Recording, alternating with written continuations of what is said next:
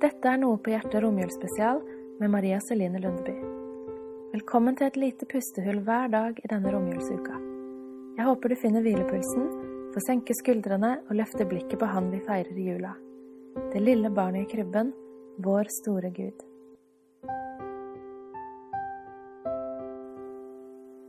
Jeg verka i både armer, føtter, hode og syke da jeg velta inn døra hos svigers lille julaften for noen år siden. Vi hadde utsatt julehandlinga til hele den sida av familien til absolutt siste frist, for det var så deilig å slippe å ta det med i bagasje fra øst til vest. Jeg hadde bare aldri vært ute og handla lille julaftens ettermiddag før. For et kaos! Jeg gjør det aldri igjen. Gavene, som egentlig er noe jeg koser meg med og setter stor pris på å få gi bort, gleden over å se i øynene på de som tar imot at dette gjør de glad, alt det der føltes plutselig så utrolig slitsomt.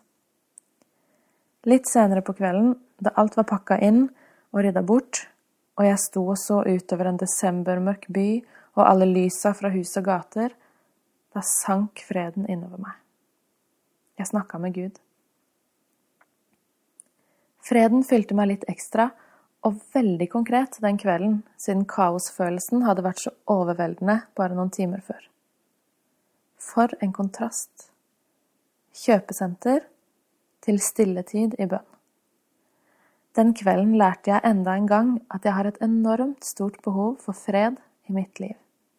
Jeg lengter etter det, og jeg leter etter det. Hos Jesus finner jeg det. Ikke bare glimt av fred, men kilden til all fred. Et av navna på den Messias Jesaja profeterte, var fredsfyrste. Han kom ikke for å være en politisk slåsskjempe, men han kom med fred. Guds ønske for oss er fred. Bare fred. Fred oss mennesker imellom, og fred mellom Gud og oss. Jesus ga oss fred med Gud da han døde på korset. Det er fred. Og jeg synger og synger på strofa i Kristin Hornes julesang I det høyeste.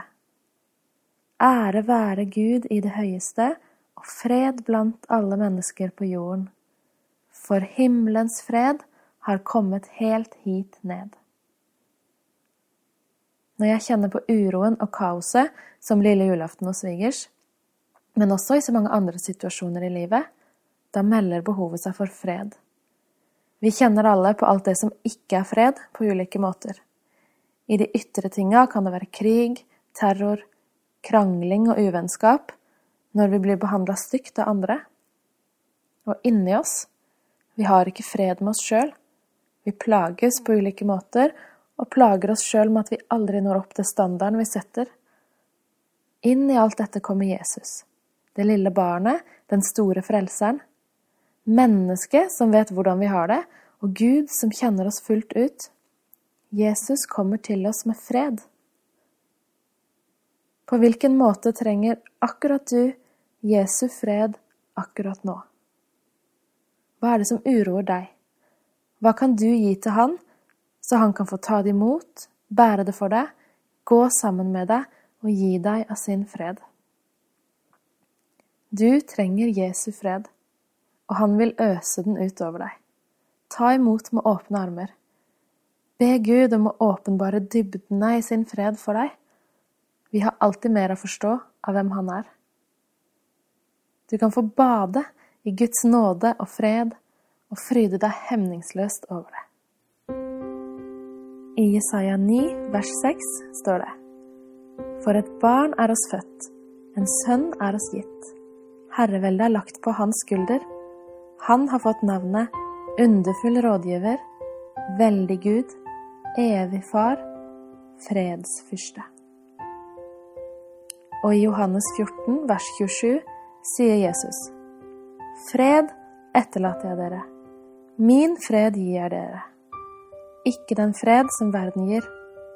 La ikke hjertet bli grepet av angst og motløshet.